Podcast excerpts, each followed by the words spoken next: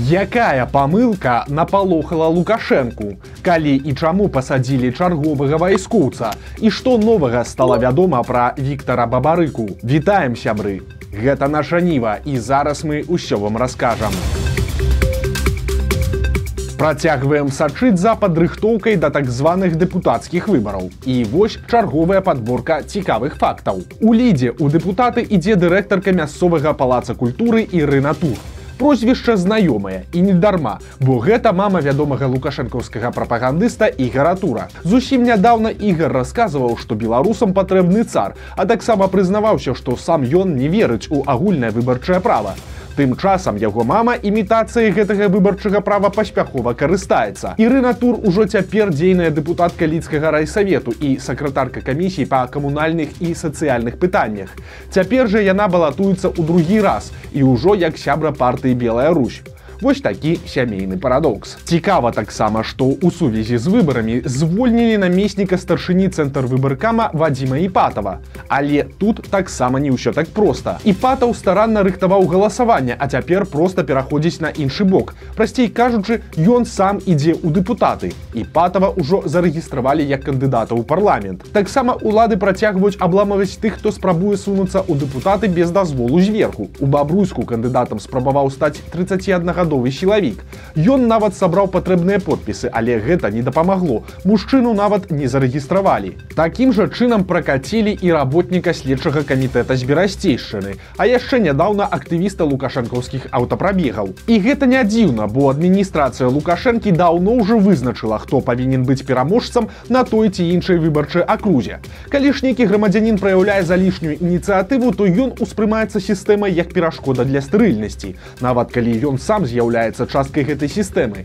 Лукашенко зрабіў свае высновы з два -го года і цяпер максімальна страхуецца. Ніякіх выпадковых фігур на выбары не дапусцяць, нават у якасці дэкаратыўных спарных партнёраў. І гэта ў пэўным сэнсе своеасаблівая рэпетыцыя галоўнага спектакля, бо тое ж самае варта чакаць і ад прэзідэнцкіх выбараў 25 -го года. Там будзе Лукашенко, некалькі праверных праўладных персонажаў кшталту гайдукевіча і ўсё. Любыя імправізацыі пад забаронай выпадак сціхану Ціханаўскай добра напалохаў лукашэнку і ў другі раз ён такую памылку ўжо не зробіць. Але ж магчыма, зробіць іншую. Таямнічыя авіярэйсы з Китая. У мінск у пачатку студзеня чатыры разы за чатыры дні прылятаў транспартны самалёт Боинг 747 з кітайскага горада Урумчы. Пра гэта паведамляе маніторынгавая група беларускі гаюн, назваўшы такую актыўнасць кітайскай грузавой авіякампаніі Air China Cargo нетыповай. У мінску самалёт праводзіў каля трох гадзін, чаго дастаткова для разгрузкі. Пасля адразу вяртаўся назад у Кітай. Прычым у беларускім аэрапорце факце самалёт знаходзіўся не на стаянках транспартна-лагістычнага цэнтра, а на стаянцы за рэзерваванай для абслугоўвання ўрадавых самалётаў. Расследавальнікі мяркуюць, што груз верагодна не праходзіў мытную ачыстку і адразу пакінуў аэрапорт, каб не прыцягваць дадатковай увагі і не стаяць пад адкрытым небам. Па версіі беларускага гаюна такім чынам у мінск маглі вазіць Китая вайсковую тэхніку, якую канкрэтна пакуль невядома, але на ўзбраенні беларускай арміі ёсць кітайскія бронеаўтамабілі дракон, а таксама кітайскія камплекты камплектуючыя выкарыстоўваюцца для вытворчасці ракет паланез недахоп свежых шпіёнаў беларуская прапаганда хваліцца дасягненнямі сілавікоў маўляў за здраду дзяржаве пасадзілі ваеннага аналітыка і палкоўніка запаса які працаваў на украінцаў гаворка пра мікалая варапая які ў 90-х працаваў у беларускім мінабароны а пасля выхада на пенсію застаўся ў сілавых структурах на цывільных пасадах таксама варапай адзін з аўтараў першай канцэпцыі нацыянальнай бяспекі беларусі так што персанаж ён сапраўды няпросты. Па версіі сілавікоў варапай перадаваў перадаваў беларускія сакрэтныя дакументы украінскім разведчыкам. У яго нават нібыта знайшлі тайнік, дзе захоўвалася больш за 800 такіх дакументаў. У выніку варапаю выставілі абвінавачванне ў здрадзе дзяржаве і пасадзілі яго на 12 гадоў. Вось толькі ёсць адзін момант. Уся гэтая гісторыя з атрыманнем і пасадкай Миколая варапая адбылася яшчэ ў 2017 годзе. Але ж раней і сілавікі прапагандысты пра яе маўчалі, згадалі пра яе толькі цяпер. Прычым бтэшнікі шчодра аздобілі свой сюжэт наратывамі пра непазбежнасць вайны ва ўкраіне, якую вядучы какетліва называе крызісам. Але ж чаму раптам выйшаў гэты фільм пра варапая? Адказ хутчэй за ўсё банальны, бо падобна, што свежых гучных спраў не хапае, а славіць сілавікоў і палохаць народ па-ранейшаму трэба. Вось і кляпаюцца чарговыя шэдэўры зноў загадкавы суд над высокапастаўленымі вайскоўцамі. Журналісты портала флагшток заўважылі, што ў гомельскім судзе рыхтуюцца да разгляду незвычайнай крымінальнай справы. Яе фігуранты гэта галоўны памежнік і яго кадравік.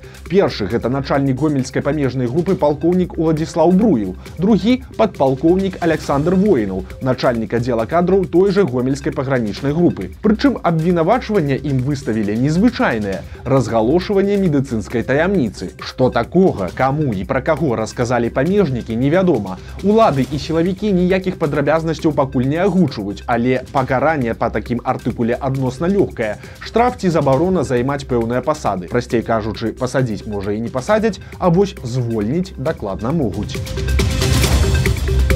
Па гарах, па палях сіні трактар больш нікуды не едзе. Мінскі трактарны завод прыняў радыкальнае рашэнне і мяняе колер сваёй знакамітай прадукцыі. Беларускія трактары перастануць фарбаваць у чорна-сіні. Усе яны цяпер будуць выключна чырвоныя. Прычым вось што цікава. Галоўны дызайнер МТЗ прызнаўся, што раней частка кузава была чорнай, бо гэта камуфлявала не заўсёды высокую якасць зборкі. Цяпер жа, маўляў, вытворчасць выйшла на новы ўзровень, таму і хаваць няма чаго. Усё можна фарбаваць у адзін яркі колер. Што ж, канец эпохі у якіх умовах сядзіць Віктор бабарыка? У вельмі цяжкіх але ён не зламаўся. Радуя свабода пагаварыла з былым зняволеным які адбываў пакаранне ў наваполацкай калоніі дзе знаходзіцца і бабарыка. Суразмоўца расказаў некаторыя падрабязнасці пра тое як адміністрацыя ставіцца да вядомага палітвязня. Раней бабарыка працаваў то на хлебапякарні то качагарам на працу да яго падбіралі адмысловыя брыгады. У іх уваходзілі толькі правераныя адміністрацыі людзі то бок тыя хто супрацоўнічае заховай. Але да 23 -го года бабарыку асабліва не чапалі, не давалі кантактаваць з іншымі палітвязнямі, але ў цэлым стаўленне да яго было як і да іншых асуджаных за некаторымі выключэннямі. Напрыклад, над працоўным месцам бабарыкі паставілі асобную відэакамеру з сігналізацыяй. Што змянілася пасля невядома, Але ж з лютага 23 -го года пачаўся жах. Бабарыку пачалі бесперапынна кідаць у штрафны ізалятар. Да яго перасталі пускаць адваката і пазбавілі перадачаў. Калі ж вясною 23 -го года у палітвязня здарыліся праблемы са здароўем, яго паклалі спачатку ў медсанчастку калоніі. Прычым зноў жа палату бабарыкі абсталявалі камерай відэаназірання. Суразмоўца журналістаў кажа, што іншыя зняволеныя бачылі бабарыку праз вакно медчасткі і яго была перабінтаваная галава. Але пасля на пытанні, што здарылася палітык адказваў коротко што упаў гэтай жа версіі просто упаў прытрымліваліся і міліцыянты ў калоніі таму можна меркаваць што палітвязню загадалі так адказваць таксама былы вязень выказаў здагадку чаму Віктора бабарыку не вазілі на суд па справе яго сына эдуарда мужчына кажа што былы банкір моцна схуднеў і перад судом яго на нейкі час нават вывозілі ў турэмны шпіталь у калядзічах так бы мовіць прывесці ў належны выгляд каб яго стан не шакаваў усіх на суде але падобна не атрымалася і бабарыку вырашылі проста вярнуць назад у калонію. На суд, дзе ён мусіў даваць паказанні як сведка, палітыка проста не павезлі. Таксама падобна, што бабарыку хочуць судзіць яшчэ раз, бо цяпер яго ў другі раз адправілі на 6 месяцаў у памяшкання камернага тыпу. І гэта кепскі знак, бо два тэрміны ў ПКТ гэта падстава для таго, каб завесці крыміналку за непадпарадкаванне адміністрацыі калоніі і затым даць дадатковы тэрмін. Махляры зразумелі слабое месца і працягваюць выкарыстоўваць галоўны страх беларусаў. На жаль, нярэдка атрымліваецца паспяхова. Цяпер у абарот узялі немаладую жыхарку браслава. Спачатку жанчыне прыйшло паведамленне ад яе начальніка. Да яе з ператрусам збіраюцца сілавікі. Затым на сувязь выйшаў прадстаўнік дэпартамента фінансавых расследаванняў, які прапанаваў дапамогу па старой схеме. Маўляў, каб на вопшуку не канфіскавалі грошы, іх трэба перакласці на бяспечны рахунак. Усе патрабавалі патрабаванні жанчына пакорліва выканала. Але вось што тут звяртае ўвагу. Сёння перспектыва раптоўнага ператруса стала для беларусаў ужо настолькі звыклай, што жанчына адразу ж паверыла ў казкі махляроў. Фінал чакана сумны. Браслаўчанка страціла 55 тысяч рублёў і цяпер сама ўжо пайшла ў міліцыю. Сілавікі пайшлі па сваяках. Новая прыдумка лукашэнкаўцаў, як сапсаваць жыццё тым, да каго не можаш дацягнуцца. Праваабаронцы паведамляюць, што ў Беларусі пачаліся рэйды сілавікоў пародных тых, хто з'ехаў за мяжу. Вядома, што людзей просяць угаворваць сваіх сваякоў вярнуцца ў Беларусь праз камісію па вяртанні. Вядома ўжо пра некалькі выпадкаў, калі сілавікі прыходзілі з такімі прапановамі і падобна, што іх будзе яшчэ больш. Тут праўда варта адзначыць, што ніякія дамоўленасці і ніякая камісія не гарантуюць свабоды. Вядома, як мінімум пра тры гісторыі, калі беларусы вярталіся на радзіму простую камісію і ў выніку селі за краты. А столінскі партал навіны палеся знайшоў новую супрацоўніцу, а дакладней не знайшоў, а стварыў. Цяпер у іх садсетках навіны зачытвае створаная штучным інтэлектам журналістка. Выглядае пакуль так сабе, неіснуючыя словы і нейкі дзіўны акцэнт. Здравствуйте. Ирбуду. Ви новости Сталина. Рассказывать вам забавные новости и факты. В Китае появились драни в форме огромных бабочек. Нужно будет закупиться к лету, чтобы весело проводить теплые вечера.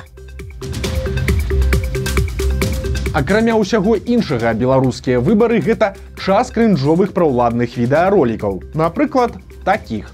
Я иду на выборы. Ты идешь на выборы? Я иду на выборы. Мы идем на выборы. Кто идет на выборы? Я Ты идешь на выборы? Я хочу на выборы. Мы идем на выборы. Альбо вось такіх. Для достойной долгой жизни процветания любви. Отдай долг своей отчизне. Ты на выборы сходи.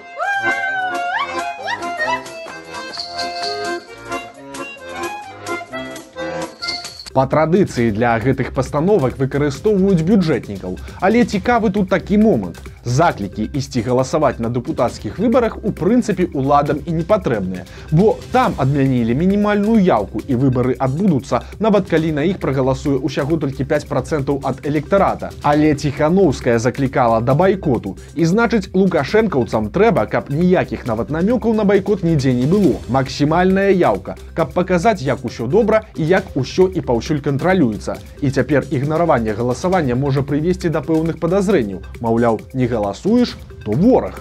А для бюджэтнікаў выбары і ўвогуле стануць прымусовым мерапрыемствам. Вось такія навіны серады. Подписывайтеся на канал, ставьте лайки альбо дизлайки и выказывайте заўвагі ў каментарах. І, канешне, чытайце нашу ніву, глядзіце нашу ніву і любіце Беларусь. Да сустрэчы заўтра.